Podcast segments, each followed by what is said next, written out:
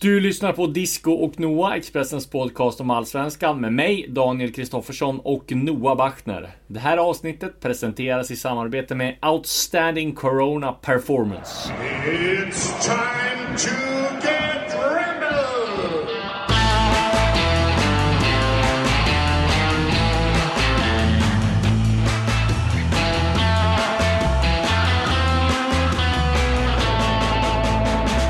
Ja, där vi kommer att vara eh, sådana som eh, tar avstamp i världens just nu mest omvälvande händelse. Även den här veckan. Det spelar egentligen ingen roll, Disco, hur mycket man vill eller försöker ta sig ifrån det här ämnet. Man landar ju här på något sätt ändå.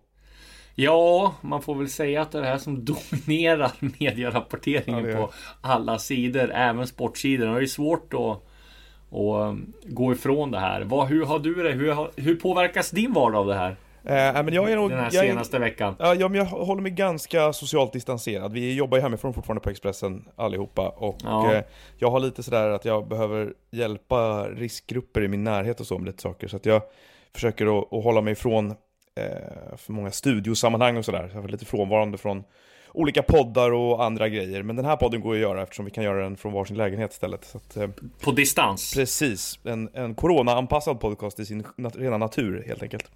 Eh, Exakt. men du, en sak som slog mig, som jag ville eh, bolla till dig, som jag tänkte på, därför att Ja. jag har blivit som en ritual här på dagarna lite grann, att Ja, men jag eh, går upp på morgonen och så är det liksom ett ganska långt förmiddagspass, och så brukar jag äta lunch vid 14 när Folkhälsomyndighetens presskonferens börjar varje dag.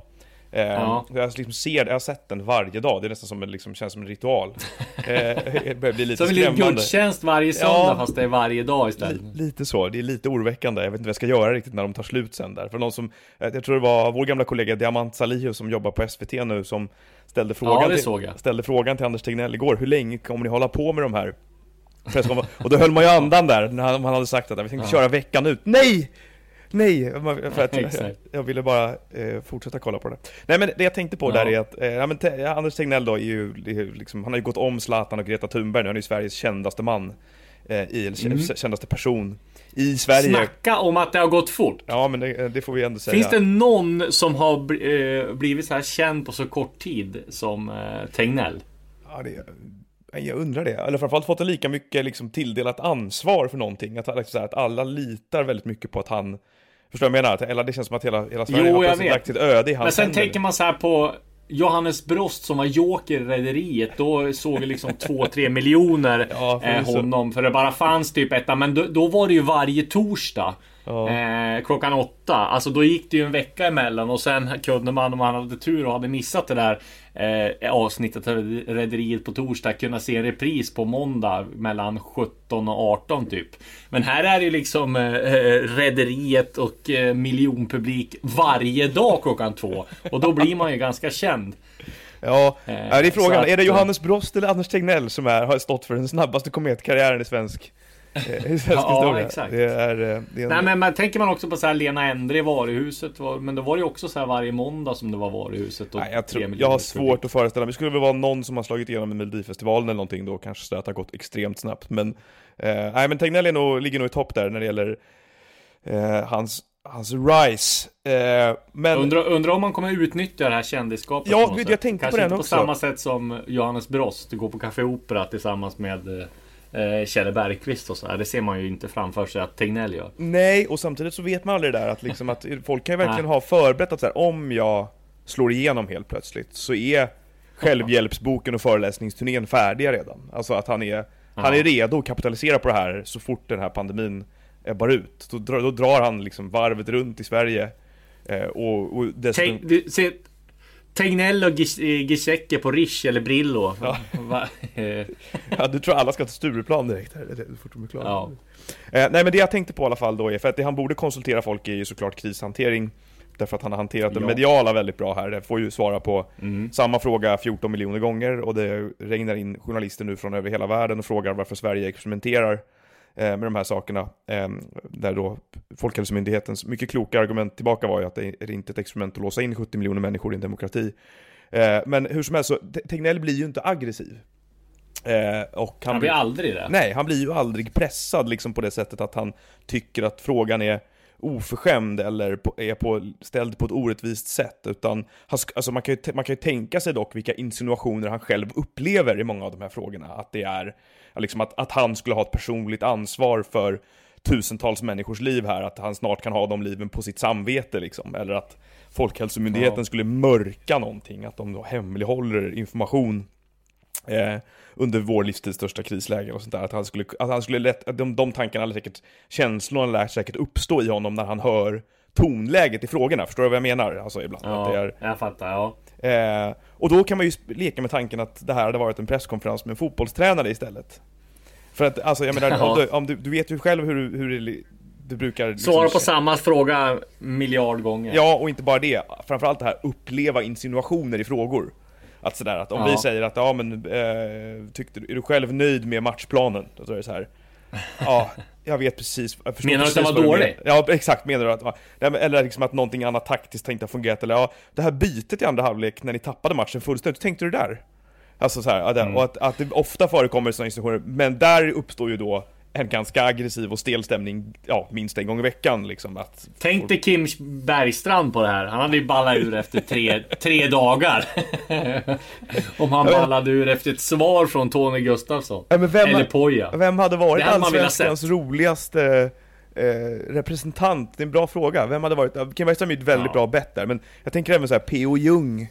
Eh, som statsepidemiolog ja, under pågående pandemi. hade ju varit en rätt, eh, ett rätt spännande medialt experiment. Den som hade varit Tegnell, det är ju Andreas Alm. Han, eh, blir ju, han visar ju aldrig känsel. Han är ju kall, eh, som Mervan Selik sa ja. eh, en gång här tidigare. Han hade ju hanterat det precis som Tegnell gjort. Ja. De ligger liksom på samma platta mediumnivå hela tiden. Eh, brusar aldrig upp. Eh, så att... Klarar de här... Andreas Alm är väl allsvenskans Tegnell. Ja. Och klarar alla liksom pareringar. Alm brukar ju svara rätt mycket som, som Giesecke svarar med ett ord, där han tycker att det räcker. Ja, precis. Ja, vad, vad ska man vara orolig för den här sjukdomen? Är det en snuva? Ja. Och säger han, eh, så hur, hur, hur, ska, hur ska ni göra mer mål nästa match? Nej, vi ska eh, skjuta in bollen bakom deras målvakt. ja. Så hade han svarat. Ja. Jag hade annars, ja, en, en annat, en annat eh, namn att slänga in i, i eh, manegen här hade varit Erik Hamrén i det här tillfället. På tal om då att man om det efterfrågas tydlig, tydlig kommunikation och raka besked från Där hade man aldrig fått svar, man hade inte fattat vad han hade menat och han hade ju fått liksom folkets raseri över sig efter typ ja, en gå, dag. Det hade kunnat gå väldigt snabbt, väldigt eh, eh, fel ja. känns som. Eh, jag... Men en annan grej som jag också har tänkt på, det är den här aggressiva tonen från journalister. Jag har så extremt svårt för de här aggressiva frågorna, att man måste ha liksom ett aggressivt tonläge. Och det känns som det bara är till för att liksom framhäva sig själv, att nu ska jag vara kritisk och nu ska de få se, eh, jag ska sätta åt dem här liksom. Man får väl ett snarare ett sämre svar om man har en aggressiv ton tycker jag. Alltså har man en aggressiv ton, det är liksom bara för att man vill liksom höras och synas själv. Eh, ja, men det där är... Det. Sen kan man ju ha liksom en mer bestämd ton för att få fram... Jag tycker Niklas Svensson är jäkligt bra på det där i sina program och ha liksom... Hålla rätt nivå. Man kan ha liksom en ifrågasättande ton utan att det övergår till aggressivitet. Eh, men det, har jag sett gör några på de här presskonferenserna och det blir bara patetiskt tycker jag. Ja men det, ja, men det eh, jag har tänkt på det också, för det där är ju någonting man själv har varit tvungen att lära sig i vårt yrke liksom att, att ja. eh, för att få, att få de svaren du är ute efter så går det inte, och även om du har en, liksom en föraning om att det finns någonting som är värt att liksom ställa lite mer, ja, men mer kritiska frågor om, så handlar det om att ställa den mer utforskande och mindre anklagande liksom. Och det där tycker jag verkligen har varit Exakt. väldigt många som har fastnat i den, i den eh, eh, svåra balansgången här nu. Eh, du sa Niklas Svensson, mm. jag tycker Anders Holmberg på SVT har varit ganska bra på Eh, på att ställa frågorna i rätt tonläge också. Nog om den analysen. Eh, vad som hade varit ja. kul också, som jag rådde mig med i veckan också eftersom man konsumerar så mycket av det här nu, det hade varit att sätta en sorts liksom, engelsk fotbollsjournalistisk lins på hela rapporteringen om corona, för den är ju så gigantisk nu liksom. Och de här epidemiologerna har ju blivit, behandlas ju som, utvärderas ju som fotbollstränare brukar utvärderas i vanliga fall, liksom, från dag till dag. Liksom. Ja. Ta kurvan fel, fel vändning. Ja men precis, ta kurvan fel vändning och eh, antalet eh, smittade ökar lite för mycket, då är det liksom, då, är, då påminner kritiken lite grann om att de har gjort fyra raka utan att göra mål liksom. Men man ser ju framför sig då bara hur det liksom är i England när det här är över, om Sverige hade varit England då, att Eh, nej men säg, säg att det inte går så bra för Sverige och vi får för höga dödssiffror och så, så är Daily Mails liksom första sida med Rage as pandemic flop Tegnell avoids sack after failing to bring, bring immunity to Sweden. Eller så här, Ja, typ. Virus legend Giesecke hails outstanding corona performance as Tegnell prepares for final showdown eller något sånt där. Att Ja, det- där har vi dem. där har vi det. är sant. Ja, i Sverige händer det grejer här. Eh, det fortsätter och, eller klubbarna fortsätter att permittera sina anställda och spelare. Nu senast var det Mjällby som kom här i tisdags morse med att de permitterar spelare och anställda. Malmö har gjort det, AIK har gjort det, Örebro har gjort samma sak. Och flera andra lag eh, har gjort det. Vad, vad säger vi om det? Ja, det var inte så förvånande kanske. Att... Eh, Nej, men däremot är det ju märkligt tycker jag eh, att Malmö ska behöva permittera eh, anställda med tanke på hur mycket pengar de har på banken. Men jag antar att det är för att de vill liksom föregå de här. De, ingen vet vad som händer och att de ska få de här skattepengarna sen då. Men däremot tycker jag det är ganska dåligt att man, de ska behöva göra permitteringar redan nu. Kolla på Djurgården till exempel som inte har gjort det. Jag tror de kommer ha en fördel eh, när de inte permitterar sina anställda. Då vet de anställda. då kommer bli en mer attraktiv klubb tror jag när man inte gör det. För man visar att man har pengar, äh, visar att man har kapital, att man är stark och sen bara vet ja, men spelare och, och, och kommande anställda vet att ja, men i Djurgården där får man lön och de behöver inte ta till sådana här åtgärder. Så att det Nej, kan ja. vara på båda sätt det där. ja, alltså jag förstår vad du menar. Samtidigt så tycker jag att, så här, att det här är fortfarande ett system byggt av skattebetalare och MFF är ju, betalar ju skatt och de har rätt till att använda det här systemet för kostnadsbesparingar nu och att välja att inte göra Mm. det av något annat skäl än att liksom att Ja, förstår jag menar att det, liksom, det är svårt att sätta massa, jag har svårt att sätta olika moraliska värderingar i vem som borde och inte borde utnyttja den här möjligheten då. Eh, Det är klart, Nej men att det det kommer redan nu saker. menar jag. Ja, du menar att det är Eh, för Att det tidigt? kommer redan nu. Ja, Ja, precis. för att, de man har liksom egentligen råd det fortfarande att betala. Ja, att det är lite Ja, snabbt. det är där jag menar. Mm. Ja. Nej men det visst, det, det, det det, kan jag hålla med om. Eh, samtidigt så är det liksom, jag tänker på det med permitteringarna nu och eh, även många av de andra liksom in, försöken och insatserna till att försöka rädda klubbarnas ekonomi eller få liksom lite eh, lite fart på dem igen som är då väldigt temporära paniklösningar. Att, Ja. att, att det är Eh, det kommer ju inte gå under speciellt många månaders tid att kompensera upp för de här intäktstappen med Swish-kampanjer eller eh, låtsasbiljetter eller halsduksförsäljningar eller den typen av saker utan eller permitteringar för den delen utan vi Nej. kommer nog och jag jag vet inte om du läste den men vi hade en ganska omfattande analys här i tidningen igår, precis. i, ja i måndags då. Den Eh, läste jag. som Linus Sundevika, vår kollega, hade gjort. Eh, med hjälp av bland annat eh, då eh, Christoph Fågel, mer känd under bloggpseudonymen Osynliga Handen. Eh, som, som gick igenom lite grann vad som håller på att hända och, och sådär. Och det ger ett ganska bra makroperspektiv på den europeiska fotbollsekonomin och hur det kommer att slå mot Sverige också. Eh, och han är inne Mm. på då att eh, ett problem för de klubbar som har byggt sina, liksom, sina eget kapital och, på, och, och sin, liksom, gjort, byggt sina balans och resultaträkningar en del på eh, fordringar från, från spelarförsäljningar till exempel, det, det är att de pengarna inte riktigt finns. Han, tog, han drog ett bra exempel där Nej. med att eh, ja, men Hammarby säljer Odilon till Klubb Brygge och har en fordran då, transferfordran på eh, 30 miljoner. Då är det pengar som Klubb Brygge i sin tur väntar på från eh, men, Ja, precis, en tredje ja. klubb då, och som i sin tur kanske väntar på de pengarna. Och att det kan bli rätt snabbt bli stopp i de betalningsflödena eh, nu. Och då sitter ganska många klubbar illa till. Och där har du då on top av allt annat liksom, att den typen av finansiering i Allsvenskan som är ganska vedertagen bland de klubbarna högst upp i tabellen i alla fall.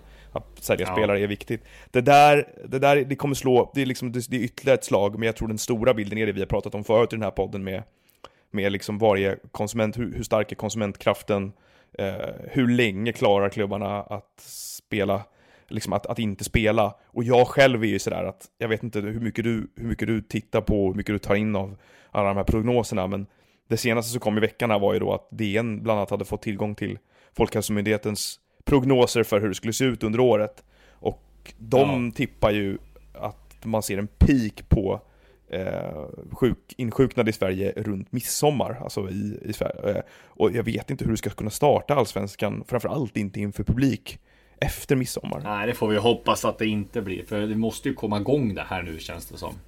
Ja, alltså det, I alla fall i juni. Ja, och, och gör inte det så vet jag att de, många klubbar och även inom SEF och så, att man var väldigt skeptisk till att börja i juli för att det blir för lite tid att spela klart säsongen på. Mm. Det är bara att, ja man lägger ihop, man kan ju, man kan ju göra, man behöver inte vänta på SEFs bedömningar av liksom eh, Folkhälsomyndighetens information, man kan ju ta del av den själv.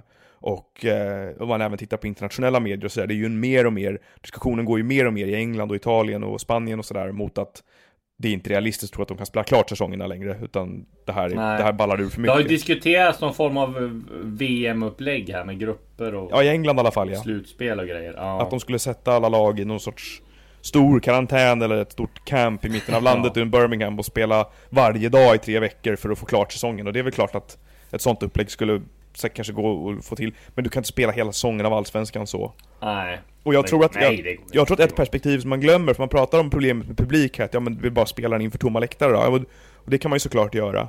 Men jag tror inte att spelarna är så himla sugna på att spela så länge det här viruset är i omlopp alltså heller. För Nej, att det, det är jag liksom... heller. Jag tror det finns rätt många spelare som tycker att det, det känns ganska olustigt. Så att jag, jag blev väldigt sådär, gick från att ha en liksom, eh, några procents hopp om, om allsvenskans eh, förmåga att ta sig ur det här hyfsat helskinnad till att få en ganska dyster Ja. syn måste jag säga på vad det här kommer betyda. Jag tror att, att det, Ja. hela ligan står inför ett jätte, jättesvårt hot här alltså. Det, är, eh, det ser inte bra ut. Ja. Nej, vi får hoppas att det kommer igång i alla fall. Och jag vet ju att klubbarna diskuterar i olika upplägg här för att nu Malmö gav ju sina spelare ledigt här för ett tag sedan. Nu är de igång igen. AIK har rullat igång så sakteliga. Hammarby har gett sina spelare ledigt. Och det diskuteras ju olika former av träningsturneringar. Jag har tagit reda på lite där. Det har ju spekulerats mycket i andra sajter och medier hur den här träningsturneringen skulle se ut. Och vad jag fattar som så snackas det nu om en träningsturnering med Djurgården, Hammarby, Norrköping, Örebro, Sirius och Brage. Där det ska spelas matcher på lördagar. Eh, och där den ska dra igång om tre veckor ungefär. Okej. Eh, AIK är inte med där för att de har försökt. eh, De söker nog utländskt motstånd som det är nu då. Eh, Men sen är det... Det är för- det är på ett diskussionsstadie det här fortfarande då, så vi får ju se vart det landar. Men så ser det väl ut nu då. Det kan väl vara ett ganska vettigt upplägg. Matcher varje lördag och sådär. Ja, det Och låter ju... med de här lagen det, som är ganska geografiskt nära. om det då är, om det då är bättre läge att börja spela då än vad det var för två veckor sedan. Jag, jag får inte riktigt ihop det där, alltså om jag ska vara helt ärlig. För det är... Men, men, Nej, ja, men, det är men tre är- veckor. Det är Ja. alltså tre, om, om tre veckor ska det dra igång. Så det är mot slutet av april då? Eh, Och, ja, precis. Och sen då spelar de, det kan jag tänka mig, utan ja, publik blir det väl. Tränings, stängda träningsmatcher, turneringar. Ja.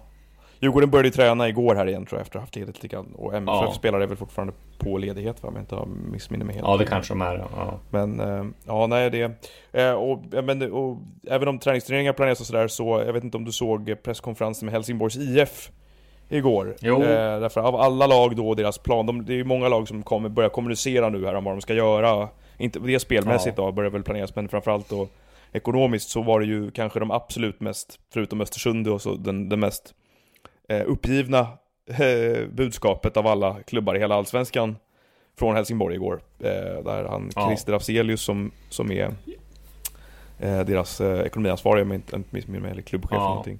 Sa att eh, det är kört för dem med elitlicensen. Och rätt kort efter det kom ju då besked från SEF om att man funderar på att sätta stopp för elitlicensen i år. Att man får upp, upp, liksom göra ett undantag när det gäller den.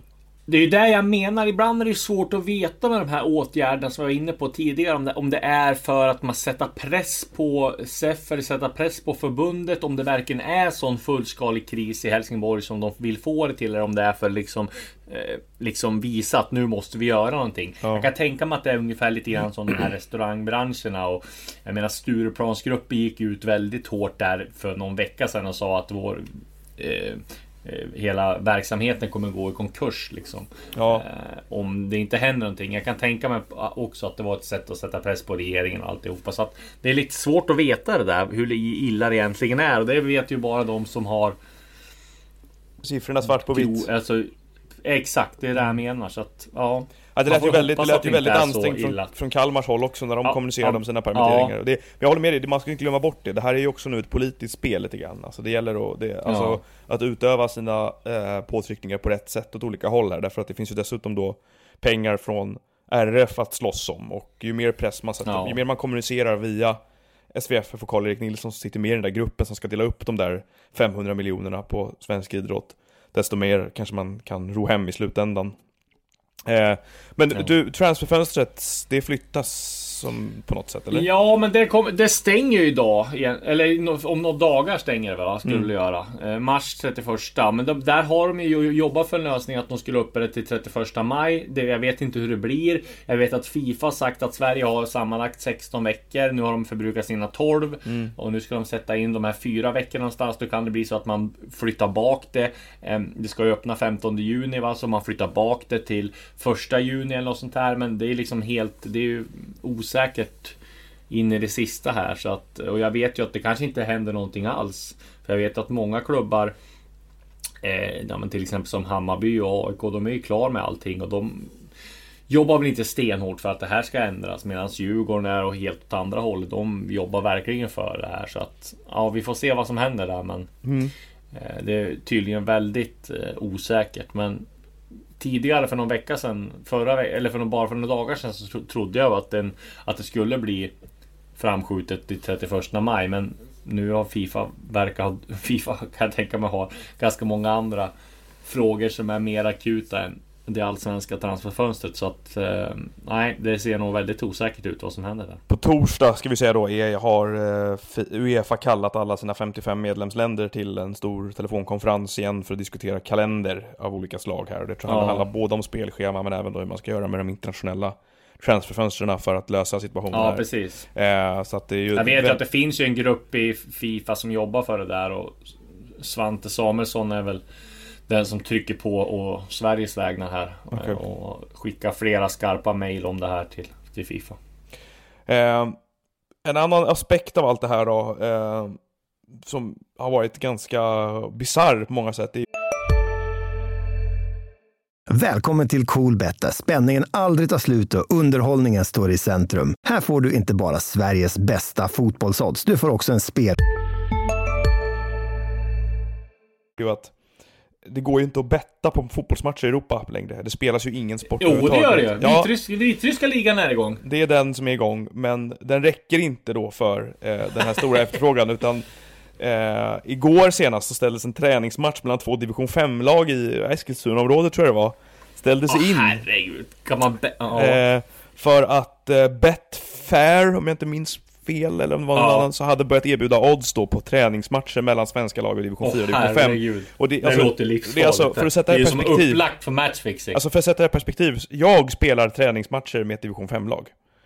Eller nu Ja. spelar inte jag just nu, men mitt division 5-lag spelar träningsmatcher. Och att, vi- att, att, att Ja. det skulle gå att spela på våra matcher håller jag som en fullständig urballning av det mesta. Eh, men, men, eh, men, eh, och det, är ju, det märkliga i allt det här då är att, och det var ju då även en match i, i norra delarna av Sverige här som fick eh, ställas in i början på veckan för att det förekom Ja. enorma summor på den också. Eh, det är att, det, det som, det, även de här spelsyndikaten och organiserade brotten, att de inte kan hålla sig. För det blir så himla tydligt vad som pågår när det plötsligt regnar in Mm. Ja. 400 000 på en totalt betydelselös träningsmatch mellan två division 5-lag i Sverige. Det är så här liksom helt andra parametrar som avgör liksom eh, oddsen och så här.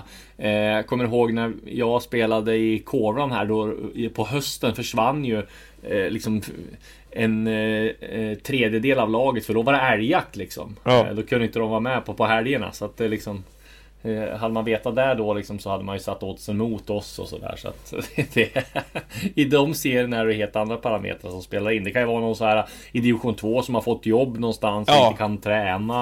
Eh, Det kan vara någon som ska på utlandssemester och prioritera det för att inte- få betalt. Så att, Någon kille som har gjort Nej, ett lags det alla känns- mål eh, sträcker baksidan Ja. på väg från bussen när han joggar till planen. Liksom. Det, det är på den nivån. Exakt. Men, eh, men det var roligt för då jag hittade då, de har ju olika bloggar på, ja men det här är från Betfairs hemsida då, så har de ju Ja. börjat lämna in speltips nu, alltså det är bloggare som har speltips, de måste ju skriva speltips även om det inte är någon sport. Så de har skrivit om här, de har skrivit här om, eh, jag vet inte vad det heter på svenska, det är förmodligen Skabersjö mot Västra Ingelstad.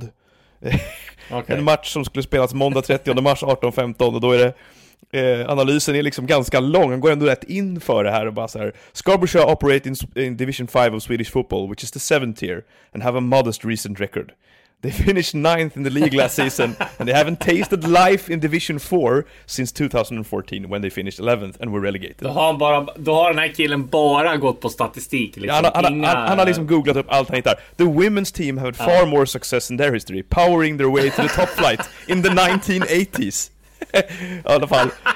Och sen, och så Som om det skulle ha någon betydelse för hur man ska spela på dem nu liksom. Nej men deras damlag är, är ganska bra. Nej, men, och nu är det då, now they face local rivals Västra Ingelstad, who is also from the Svedala municipality in the south of Sweden. och eh, går, går in på slutet på att de spelar division 6. Och sen så kommer sista, det roligaste är sista stycket i det här speltipset då, som är I won't pretend I'm an expert here. But Skabersjö play at a higher level, and they have sharpened up with a recent friendly against decent opposition. Här. Så, att, så att tipset här är att spela då eh, Skabersjö eh, eh, Hur gick det i matchen? Vet? Rightful Är, favorites är, det- är det ett kommande till? Du, jag har faktiskt inte följt upp det här. Jag, jag kan säga, jag kan avslöja att jag inte satte pengar på den här matchen. Men eh, ah, hatten av till eh, Kevin Hatchard som lämnade in speltipset på Betfair och läste på om Ja. den här matchen. Eh, ja, jag, jag tycker ju eh, rent sp- spontant så att det är lite konstigt att distrikten börjar spela matcher. Alltså jag förstår, Folkhälsomyndighetens rekommendation har ju varit här att eh, alla Ja. man ska hålla igång eh, idrotten i Sverige för att folk behöver röra på sig och på det sättet är det säkert Ja. bra. Men det här är ju Att kontaktsport. stänga gymmen hade ju varit hål i huvudet. Men, men samtidigt, så det här, ja men då kan man ändå träna en och en och de kan väl släppa in lite färre åt Ja. Men det här är ju så här, det- rekommendationen till bar, stå inte för nära varandra i barer och sitt åt, långt Nej. åtskilt vid bord på restauranger. Men ha gärna gruppkramar vid hörnor, ställ er vid första stolpen allihopa Mm. och svettas på varandra. Jag får inte ihop de rekommendationerna riktigt om man vill stoppa Nej, det. det är inte. Kan stå och snora på varandra i, i, vid hörnan liksom. Då- Det, det, gjorde ni, alla det gjorde ni bara utanför Sundsvall, det gör- håller inte vi på med här i Stockholm. Nej, exakt. Ja, en kort nyhet då från veckan som gick som inte handlar om det här var ju att eh, jag kunde avslöja hur polisens plan för den så kallade villkorstrappan ser ut eh, under 2020. Eh, Ja. Och det var ju ingen speciellt överraskande läsning. Ingen munter läsning. Nej, ingen munter läsning för den delen heller, nej. Eh, för den som tror på mer samverkan och dialog då i frågan om hur man ska hantera svenska läktare och Eh, de problemen som finns där. Eh, det är eh, besynnerligt. Jag pratade med säkerhetschefer i Djurgården och Hammarby och pratade med en del andra personer i svensk fotboll i veckan också, mer off record sidan av där och det rådde stor förvåning över att polisen närmade sig ett beslut för att se, för att den här, för det, vad som hände då var, jag kan ju dra i korta eh, ordalag bara att eh, jag fick ta på ett utkast på hur polisen vill att den här villkorstrappan ska se ut för den här säsongen. Eh, den Ja. påminner i väldigt stora drag om förra året.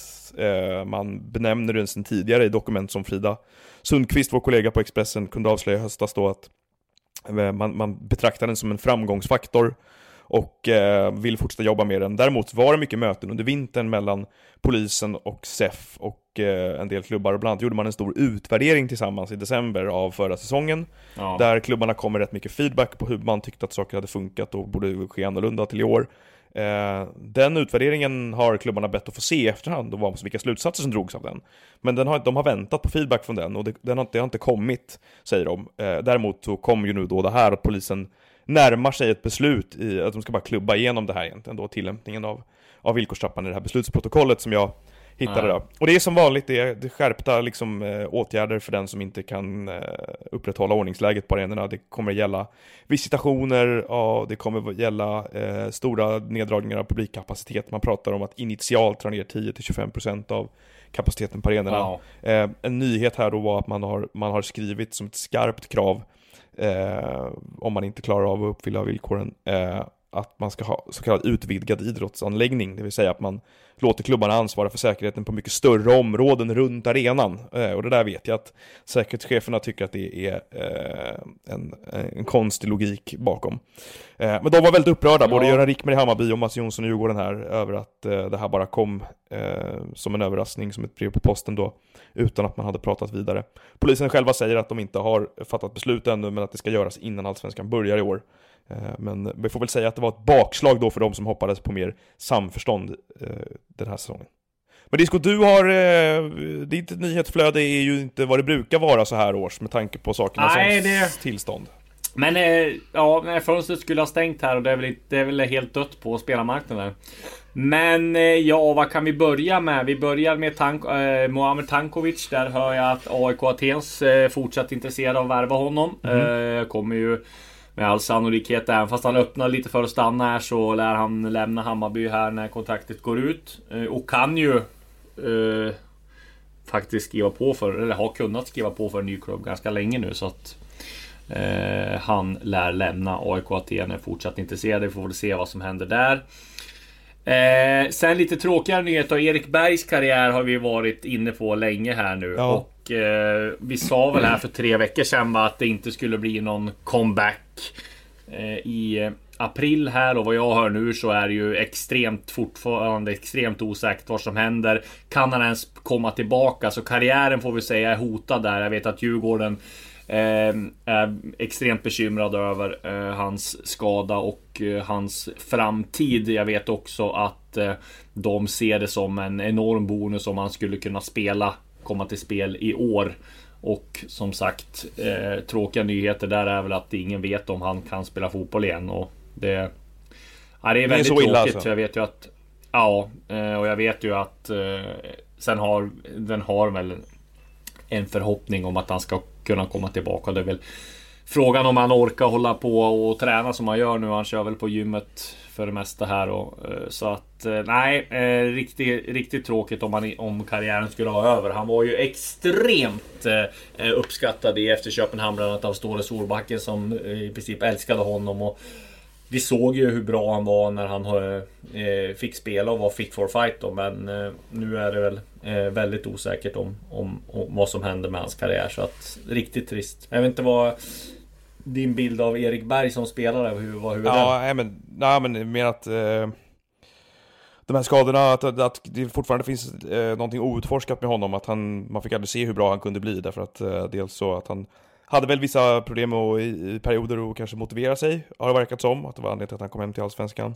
Eh, men mm. det var ju inte många år sedan han faktiskt eh, spelade en EM-premiär mot Irland i Paris för Sverige. Nej, och, och, just att man faller bort från landslagssammanhangen på det här sättet gör att det rätt snabbt glöms bort hur bra man faktiskt är. Mm. Och att när han var på planen ja. för Djurgården här i början av förra säsongen, men framförallt kanske slutet på säsongen innan så var det ju en av Allsvenskans absolut bästa spelare. Om inte liksom, det var ju, mm. han hade ju få övermän även som mittfältare där. Så att det, eh, mm. äh, men stort avbräck såklart för Djurgården om han inte kommer tillbaka. Och samtidigt så kan man väl tänka sig att så länge som du har varit inne på att det är högst osäkert om han spelar igen, eh, så borde ju även Djurgården ha kunnat planera för det. Därför att jag har svårt att se att du ja, har precis. speciellt mycket bättre koll på hans fysiska prognoser än vad Djurgården har. Nej, de har nog koll och det är väl just osäkerheten som tycker är jobbig. Men vi får hoppas att han även för de här motgångarna kan jobba sig tillbaka och kanske kan spela någonting i alla fall. Det vore extremt tråkigt om det tog slut så här eh, med allt vad det innebär. Mm. Eh, sen, eh, eh, ja jag vet inte, det var i samband med Paulinho när han presenterades så kunde vi, skrev vi om att Bayern hade erbjudit Junior ett kontaktförslag. Just det. Eh, eh, och då sa Jesper Jansson att Eh, det är upp till honom att spela Hammarby. Sen hördes det ingenting, ingenting. Men sen så kom Junior tillbaka och sa att de kunde återuppta förhandlingarna igen. Och de återuppstod, återupptogs också några veckor innan det här Corona. Men nu ligger de på is igen. Och det är väl oklart vad som händer där. Men de har väl en ganska bra dialog. Så att vi får se här när den här Corona-hysterin är över vad som händer. Men han vill i alla fall skriva på ett nytt för, med kontrakt med Bayern. Och det har väl svängt lite där också med tanke på han såg väl kanske chansen att ta ett steg utomlands när han var bossman Men samtidigt var det skadad mycket. Eh, Och sen kom det här med Corona. Eh, Ja, det är klart att Det ändrade lite spelreglerna så här, så att Men just nu ligger allt på is för Hammarby vad det gäller kontraktsförhandlingar och sådär De håller på att flytta över Några spelare till Frej här som, som ska spela i, i division 1 eh, Men annars så är det det mesta ligger på is. AIK förhandlar med T, Robin Tihi om eh, ett eh, kontrakt, det har vi sagt tidigare. Mm. Jag tror att det är ett fyraårskontrakt som de förhandlar om. Där är det ju inget heller. Eh, nytt. Fyra år, det är långt. De Ja, de förhandlar. Jag tror att det är det i alla fall. Jag har inte fått det hundra bekräftat. Men han är ju i klubben redan så det är väl ingen brådska där heller. Och jag kan tänka mig att de har lite annat att ta itu med där. Eh, med tanke på hur det ser ut just nu. De har haft fall av Corona också. Så att, men eh, det, han lär skriva på ett A-lagskontrakt ganska snart. Vi har ju fått in en bra många lyssnarfrågor här och vi går direkt på eh, frågorna. Vad gör ni på dagarna? Erik Örner. ja, jag kan börja svara. Jag är pappaledig så det är fullt upp här. Det är mer att göra nu än när jag jobbar så att... Eh, Det ryktas på min Eh, sida av stan att eh, det är tänder som sätt- sätter ja, precis. Och då är det... När agendan. små barn får tänder så är de inte så roliga att ha att göra med om man säga så. Nej då, men de eh, skriker och eh, har ont och sådär. Men vi går runt här i lekparkerna. Vi har väl utforskat varenda lekpark på, på Söder. Och eh, men det får man säga är... Och pappaledig är jobbigt men det är ganska bra. Och sen kör vi ju podden här varje tisdag så att det är väl det jag gör. Ja, ja, jag håller mig ju... Du då? Håller mig hemma. På dagarna? Ja, jag håller Du jobbar? Jag håller mig och hemma och sliter? jobbar och försöker eh, Ja. hitta någon agenda i allt det här. Eh, nu när alla... Eh, nu är det ju så lite grann tror jag för de flesta sportredaktioner att eh, de här besluten och beskeden om när saker skulle skjutas upp och så, de kom ju i en ganska, som en, liksom en flodvåg i två veckor där ungefär och då var det ganska lätt att ringa in Ja. reaktioner på det, på att allting hände och sådär. Nu är det ju stiltje och man ser hur nästan alla sportredaktioner i precis. världen brottas med samma problem att ja, vissa väljer att gå på eh, spåret med lite nostalgitexter och andra går på spåret med att att skriva om, eh, jag såg att flera har gjort det här untold stories, att de bara berättar om, eh, liksom drar fram gamla eh, uppgifter och eh, stories och händelser som man inte har kunnat skriva om tidigare, Ja. som man passar på och, och sådär nu.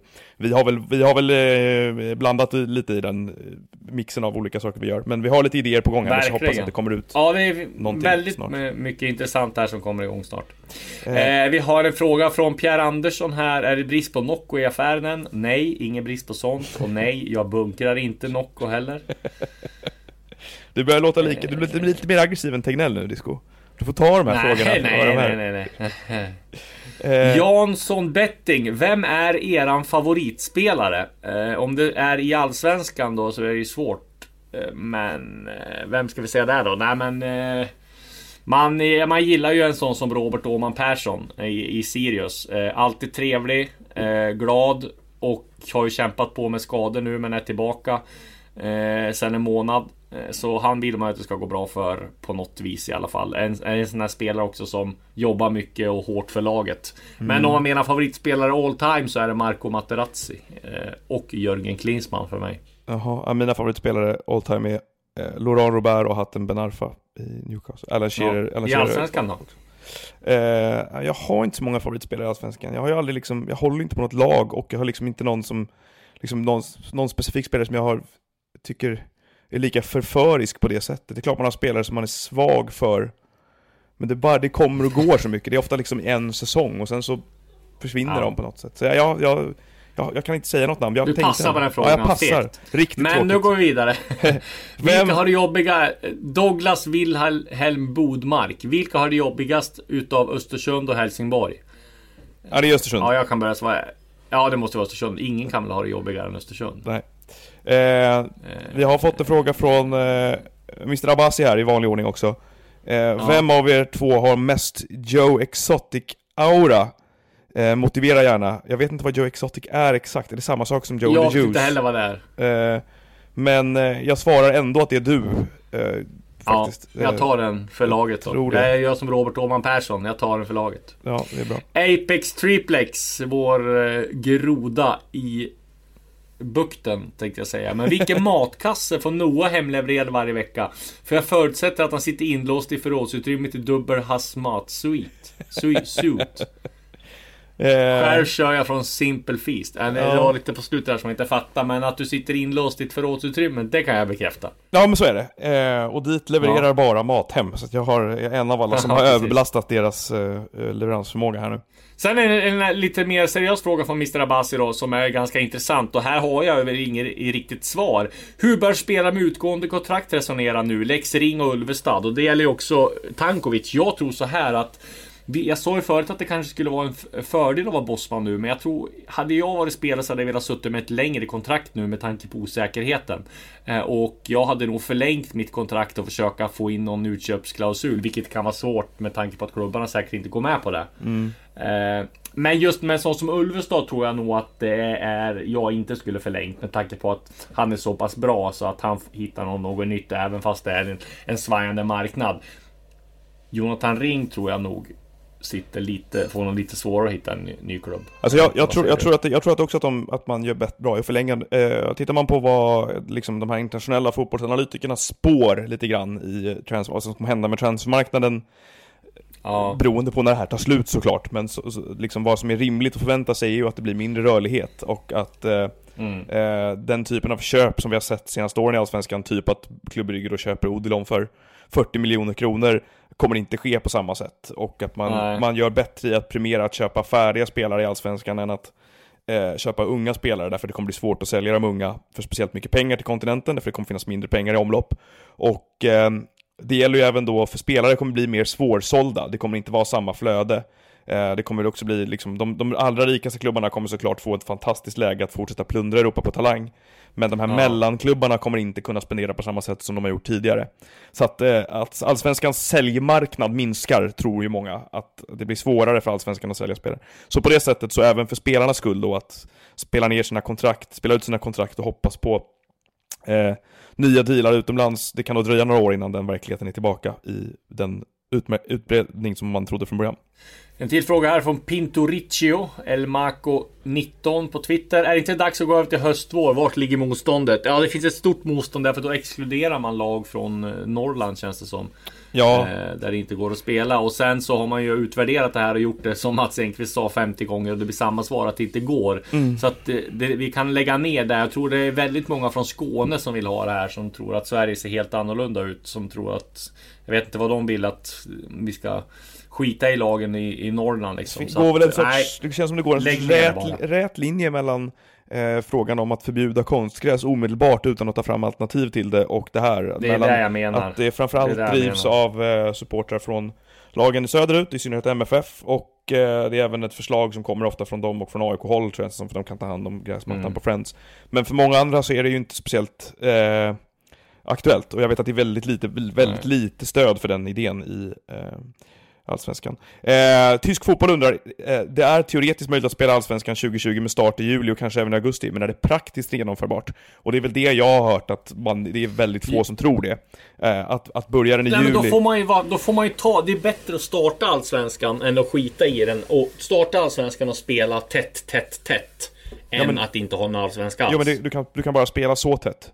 Alltså du kan inte, från, startar du i juli med ett landslagsuppehåll som kommer i höst och europeiska säsonger som går igång med Europaspel eventuellt då, så, ja, det, ja, det, jag, jag, jag, vet, jag vet ju att de inom eh, både klubbar och SEF har tittat på de datumen och tänkt att det kan det blir nog för tajt att spela Allsvenskan från juli.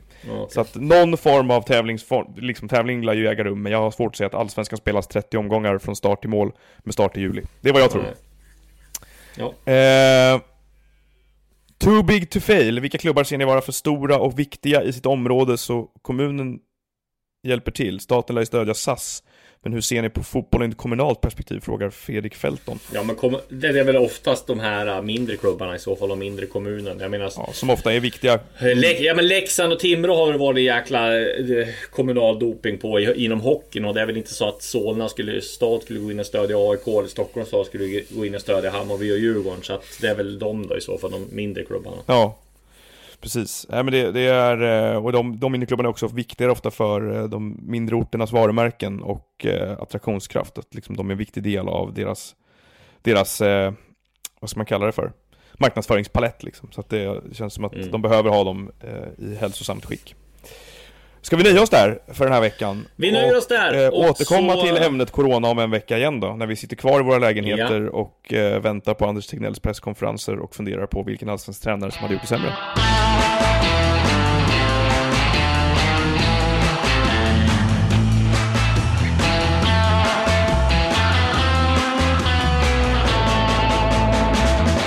Du har lyssnat på en podcast från Expressen. Ansvarig utgivare är Klas Granström. Hej, Ulf Kristersson här.